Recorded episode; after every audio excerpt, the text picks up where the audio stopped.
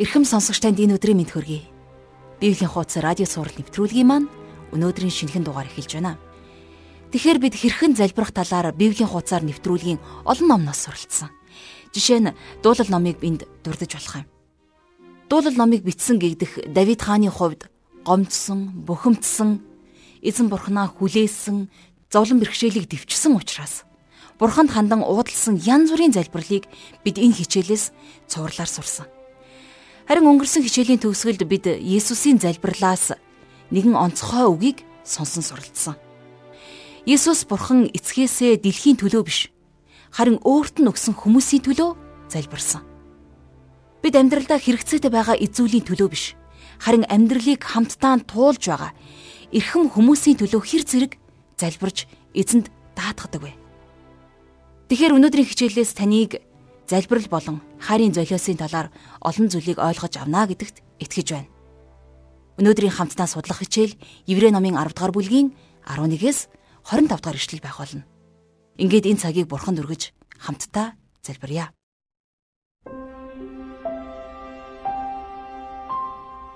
Бурхан эзэн минь, таньдаа энэ цагийн төлөө талархаж байна. Энэ өдөр бид таны үгийг судалж, таныг улам илүүгээр таньж мэдхийг хүсэж байна бид итгэлийн амьдралдаа тохиолддог зовлон бэрхшээлийн дунд таны өмнө итгэлтэйгээр ирж танаас тусламж гуйдаг хүмүүс байхад та өөрийнхөө үгээр дамжуулан биднийг хурцлж зоригжуулаач. Бид итгэлийн амьдралдаа унж, босож, тэмтчиж, бүдэрч явахдаа ямар ч үед байсан танаас зуурдаг хүмүүс байхын тулд та энэ цагт гайхамшигтай үгээрээ биднийг синхруулээч. Бидний дотроос та ятгалын үгийг сануулж аваа. Таны үгийг өдр болгон даган амьдрахад ариун сүнсээрээ та туслаарай. Та өөрийн ариун сүнсээрээ энэ цагийг удирдаарай. Бүх зүйлийг танд өргөж эзэн Есүсийн нэрээр залбирanгуйж байна. Амен. Ингээд хамтдаа жаргалах шиг хичээлд анхаарлаа хандуулъя. За бид Еврей номын 10 дугаар бүлгээс э, Христийн тахилчийн үйлчлэлийн тухай хамтдаа судалж байгаа. Ингээд өнөөдрийнхөө хичээлийг 11 дугаар ишлэлээр эхлүүлцгээе.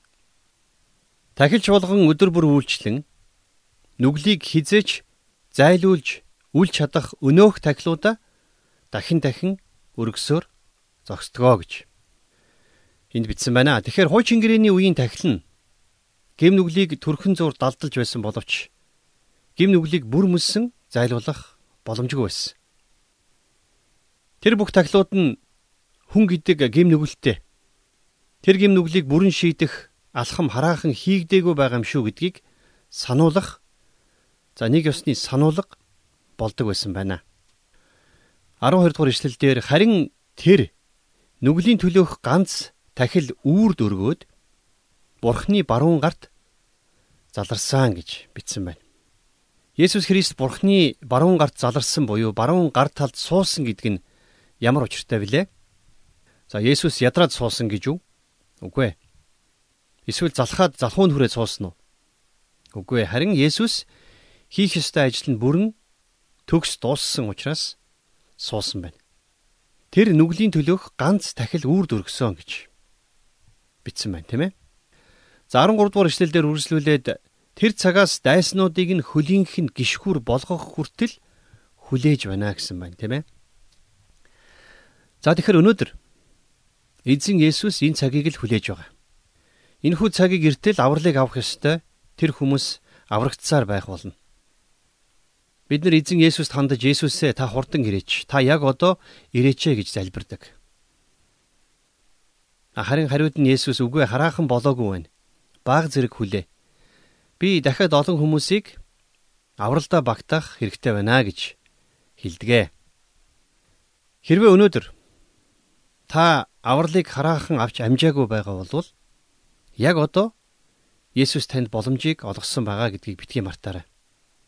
Дуулал номын 111-р ишлэлдэр хэлэхдээ Эзэн миний эзэнд би чиний дайснуудыг хөлийн чинд гიშгүүр болгохтол миний баруун гарт залрахтун гэвэ гэж бичигдсэн байдаг.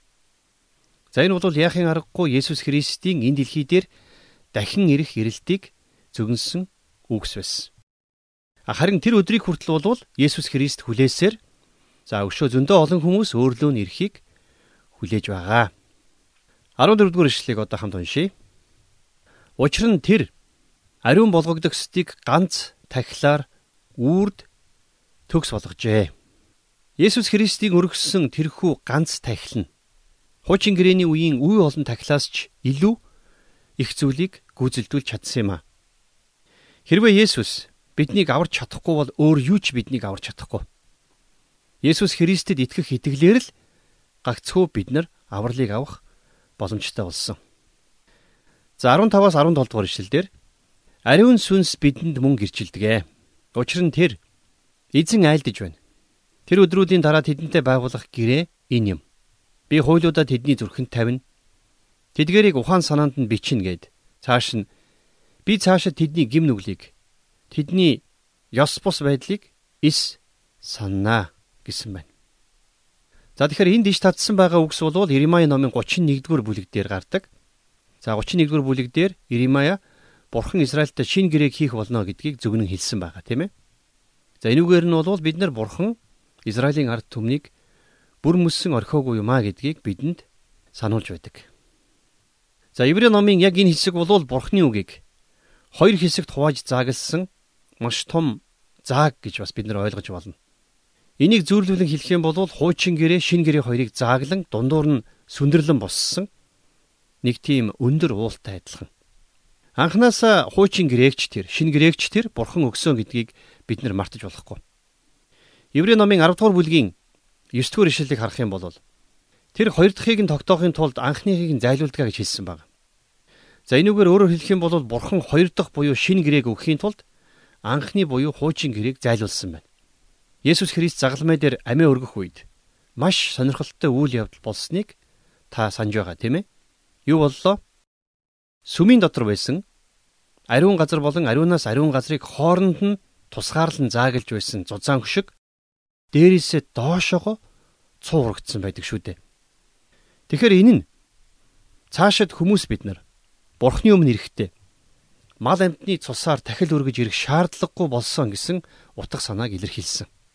Есүс Христ өөрийнхөө цусаар та бидэнд энэхүү замыг нэг мөсөн нээж өгсөн байна. За мөн 10 дугаар бүлгийн 10 дугаар ишлэлдэр энэхүү хүслээр бид Есүс Христийн бүгдийн төлөө нэг мөссөн биеэ өргөссөн өргөлөөр ариусгагдсан юмаа гэж бичсэн байна. Тэгэхээр Есүс та бидний төлөө төгс тахилыг нэг мөссөн өргөссөн учраас бид нар цаашид ийм тахил өргөх шаардлагагүй болсон байна.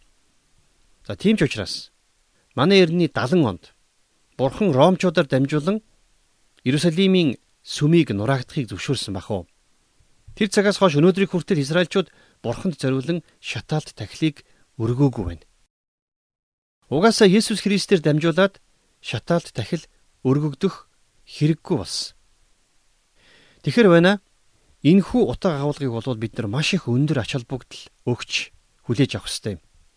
Анхны гэрээ буюу хууль нь маш олон дүрм журмаас бүрдсэн байсан. Тэгээ хуучин гэрээг харах юм бол бүхэлдээ хууль байгаа тийм ээ.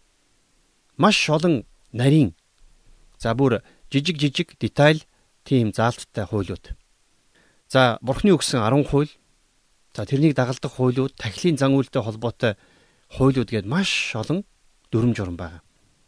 Тэгэхээр нэг талаасаа бол хууль дүрм хүний сэтгэлийг татдаг л да. Маш олон хүмүүс хууль дүрмийг дагах нь илүү амар хялбар гэж боддог. За тийм ч учраас өнөөдөр маш олон итгэгчид Есүсийн уулын сургаалыг сахиж амьдрах гэж хичээж амьдардаг. Гэтэл үнэн дээр Есүсийн уулын сургаал тэдэнд хэдий ойлгомжтой байгаад тэдэнд таалагдж байсан ч гэсэн тэд нар өөрсдийнхөө хүчээр болвол энэ сургаалыг яагаад ч дагаж мөрдөх боломжгүй юм а. Үнэн дээр хүмүүс бид нар хуулийг, дүрмийг дагах дуртай ч гэсэн яг үнэн дээр бол хинч тэр хууль дүрмийг нэгч зөрчилгүйгээр ягштал дагаж амьдрч чаддгүй юм а. Тийм учраас Мосегийн хуулийг төгс дагаж чадах хүн нэгч байхгүй байсан учраас Мосегийн хуулиар аврагдах боломжтой хүн нэгч байхгүй болж таарсан. Гэтэл шинэ гэрээний үед амьдарч байгаа бид нар бол шал өөр системийн дор амьдарч байгаа хүмүүс. Яг энэ тухай Илж Паул Коринтын итгэгч нарт хандаж хэлэхдээ 2 дугаар Коринтын 3-ын 6 дээр тэр биднийг шин гэрээний үсгийн бус харин сүнсний үйлчлэгчд байх чадвартай болгосон.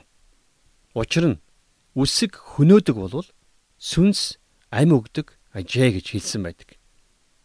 Зарим хачин сэтгэлгээтэй хүмүүс энэ ишлэлийг мушгиж үсэг хөнөөдөг учраас Библи судлах хэрэггүй гэж тайлбарсан тохиолдол хүртэл бий. Тэгэхээр энд гарч байгаа үсэг гэдгийг тэд нэр Библи гэж ойлгосон байгаа юм. А гэтэл яг үнэндээ бол Паул үсэг гэдгээрээ Библийг биш харин Мосегийн хуулийг хэлсэн. За хэрвээ та эргэлж байвал 2 дугаар Коринтын 3-ын 7-г уншаад үзээрэй. Паул тэнд хуулийг чулуун дээр үсгээр сийлэгдсэн үхлийн үйлчлэл гэж нэрлсэн байна. Үнэхээр 10 хууль бол үхлийн үйлчлэл байсан. Хууль ялалдаг, хууль хөнөөдөг тийм ээ. Хуулиар аврагдсан хүн гэж нэгч байхгүй. Хуулиар аврагдахыг оролдогч альва хүн хуулийнхаа дор бяцлагдах болно. Яагад гэвэл төгс хүн гэж угаасаа байхгүй учраас бүх хүн бурхны шүүлтийн өмнө зогсно. Бүгдээрээ буруудан болж зогсон шүү дээ. Харин эсрэгээр ариун сүнс биднэрт ам өгдөг. Бид нар Есүс Христэд итгэх үед ариун сүнс бидний дотор нутгалж биднийг удирдах, бидэнд Бурхны хүслийг илчилж өгч бидэнд Бурхны хүслийн дагуу амьдрах хүчийг өгдөг юм аа. 18 дугаар ишлэлдэр эдгээрийн уучлал хаана байна? Тэнд цаашид нүглийн төлөөх тахил үгүй болдгоо гэж энд бичсэн байна. За тахилчлалын систем тийм ээ. Абелаар эхэлсэн. За энэ нь Христийн үхлээр дууссан. Тэгэхээр яг энэхүү чухал үннийг болвол саяын 18 дугаар ишлэл тунх гэлж байна тийм ээ.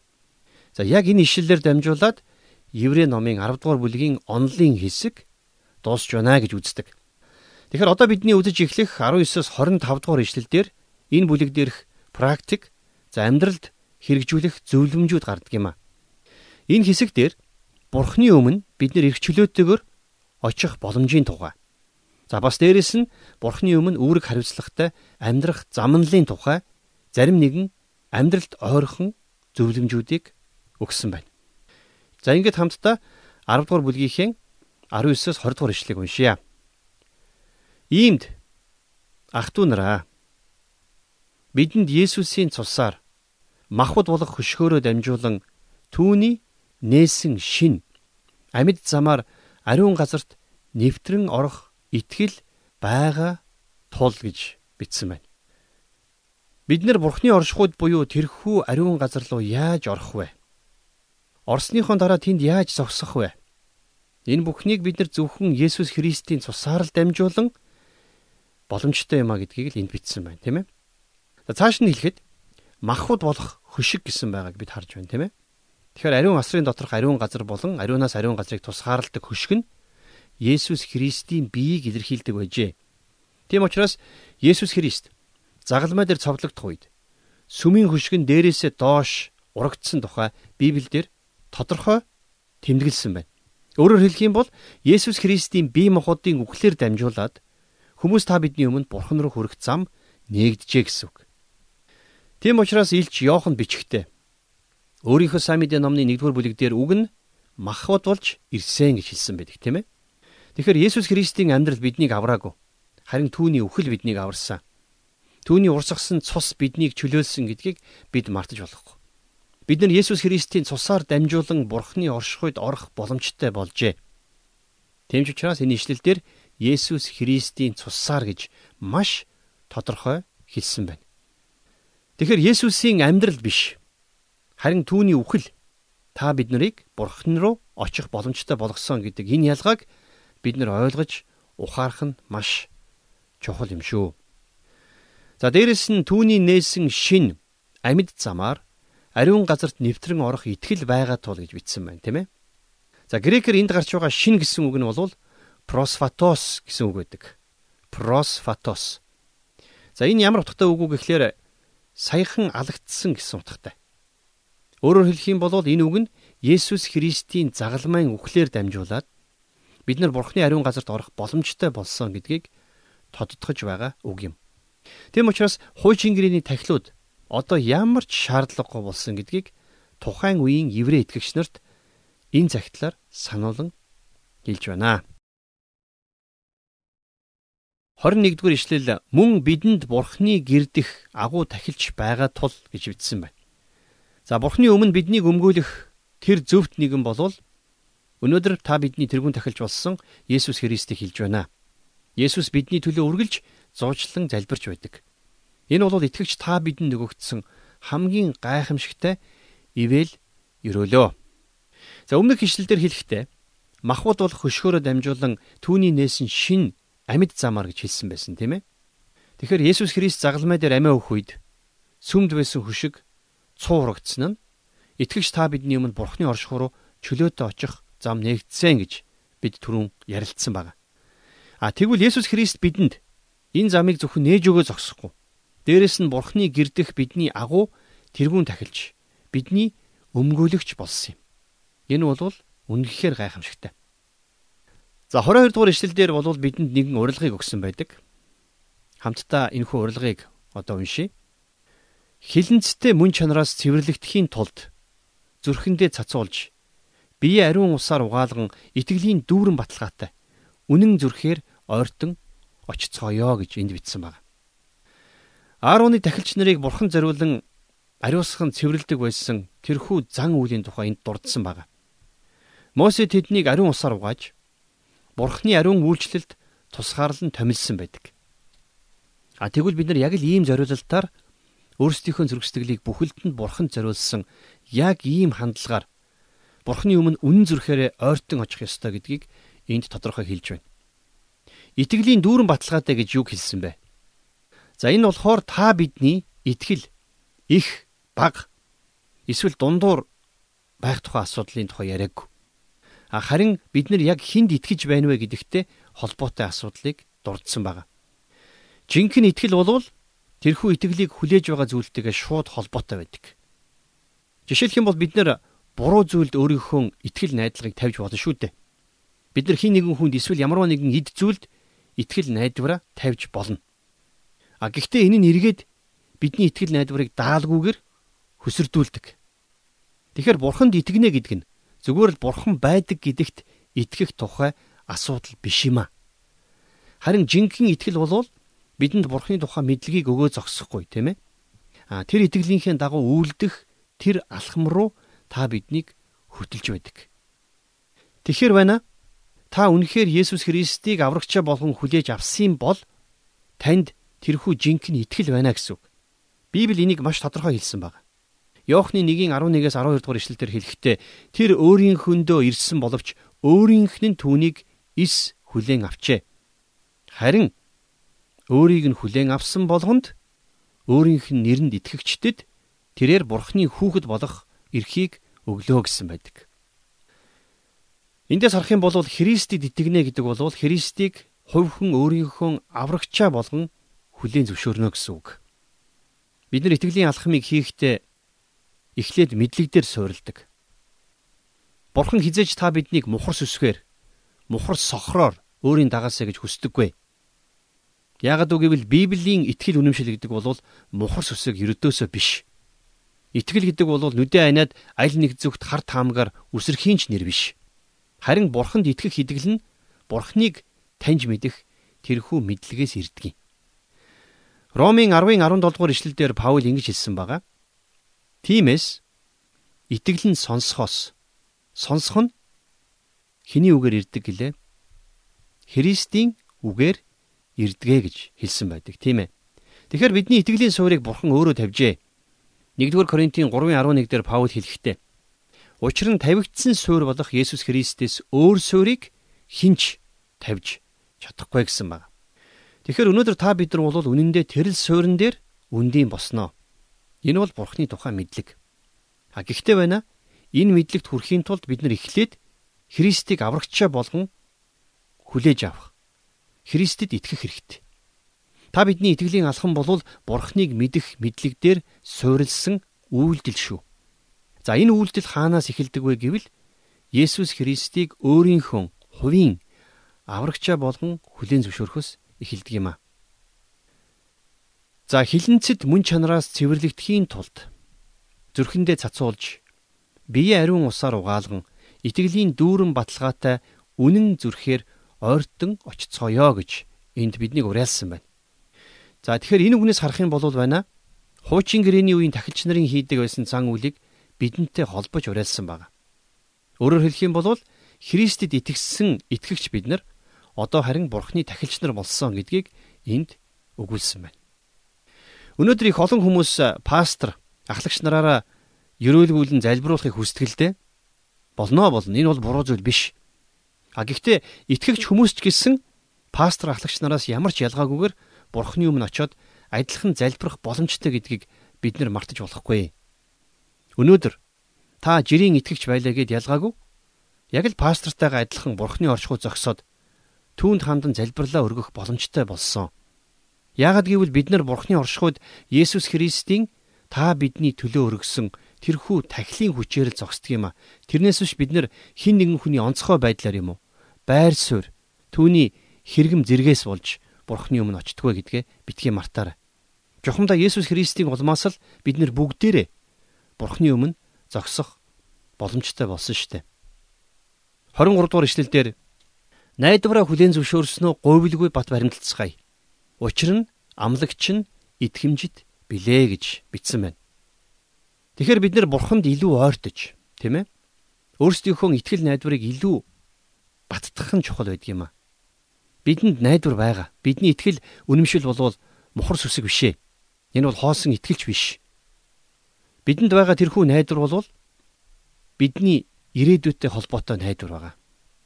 Бид нар Бурхныхаа өмнө бүрэн итгэлтэйгээр ойртон очих тэрхүү ивэлийг Бурхан бидэнд өгсөн байна. Бурхан бидэнд энэхүү итгэл найдварыг бэлэг болгож өгсөн юм. Бид нар Есүс Христийн дотор Бурханд илүү ойр болсон. Бид нар Есүс Христийн дотор Бурхантай илүү дотн болсон. Тэрнээс биш бид нар өөрсдийнхөө хүчээр Бурханд ингэж ойртож дотносох ямар ч боломж бидэнд байгаагүй шүү.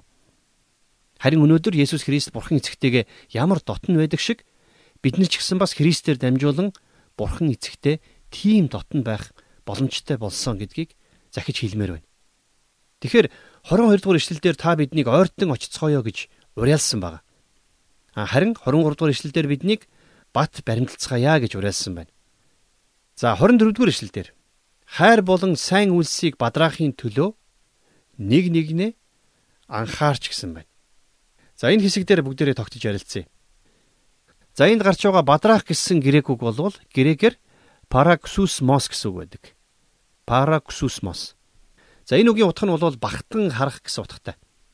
Өнөөдөр итгэгчид бид нар бие биенээ хайрлаж бие биенийхээ сайн үйлсийг бахархан багтаж бие биендээ анхаарал халамж тавьдаг байх нь л их чухал байна.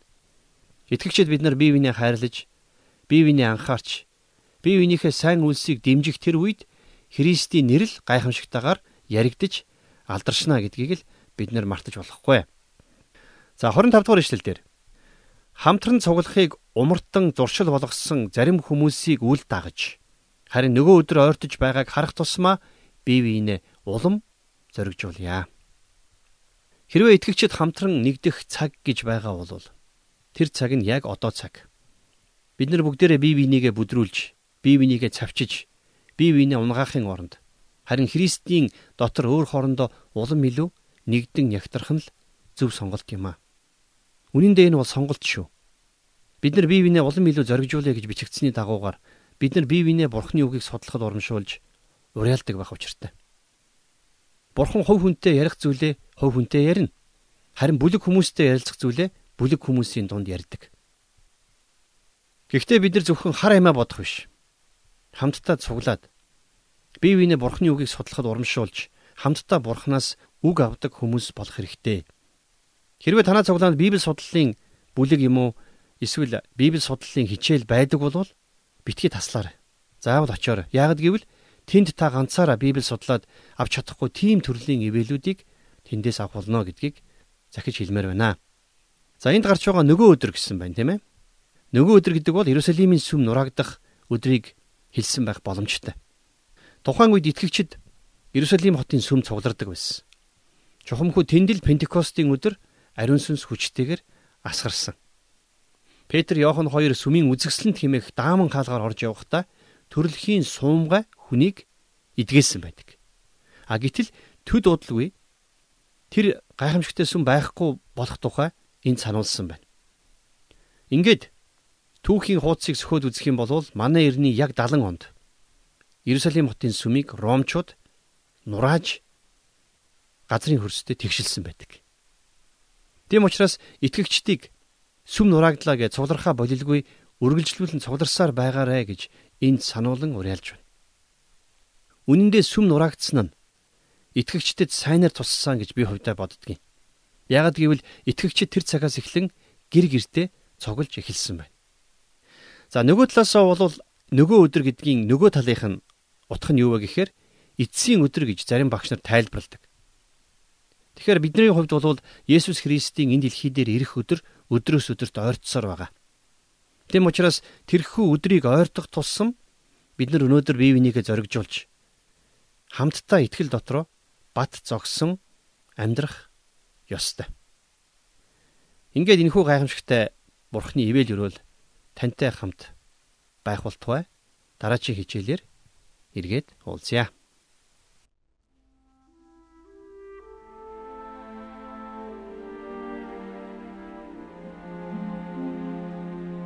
Тэгэхээр өнөөдрийн хичээл үнэхээр гайхамшигтай байлаа. Бид хин нэг нэг хүлээж үтсэн. Тэгээд тэсвэр алдаж явсны дараа хамт хүлээсэн хүмүүс таарад чамайг дүнгиж явсны дараа ирсэн ч гэж хэлэхэд харамсдаг шүү дээ. Библийн шинэ гэрээний эхлэл номын 2 дугаар бүлэгт ариун сүнс ирсэн талаар үзснийг та санаж байгаах. Есүсийг тэнгэрт одох үед 500 гаруй хүн хамтдаа харсан талаар Библи гэрчилдэг. Та нар энэ хоттой хүлээж вэ гэсэн боловч ариун сүнс 10 хоногийн дараа буухад 120 хүн байсан гэдгийг бид хамтдаа тэр үед сурсан байгаа. Тэгэхээр өнөө цагийн дэсвэр алдан явсан хүмүүсийн тоонд миний хувьд би л баймааргүй байна.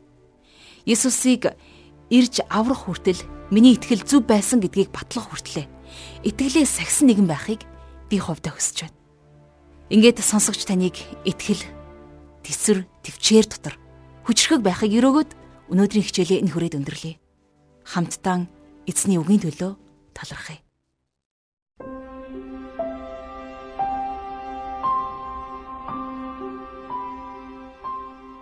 Бурхан аваа. Таньда баярлалаа.